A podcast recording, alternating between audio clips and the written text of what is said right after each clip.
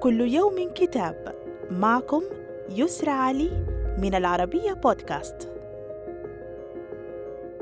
نتناول اليوم كتاب الخزاف الطائش للشاعر والكاتب الكردي السوري أديب حسن محمد.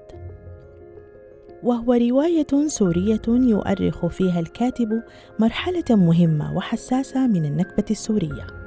ويتخذ من منطقة الجزيرة السورية مسرحا لها عبر شخصية سامان الكردي المجرد من الهوية والجنسية ومن نعمة الوجود الفعلي فوق أرض آبائه وأجداده في منطقة متعددة الإثنيات والأديان والمعتقدات.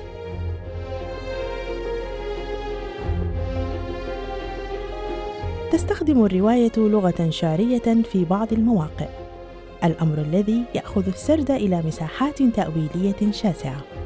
كما يستخدم الكاتب أساليب عدة ومنها المشهدية السينمائية في بعض الفصول والتقنية المسرحية في فصول أخرى. لكن الخيط الدرامي يتصاعد تدريجيا حتى خاتمة الرواية.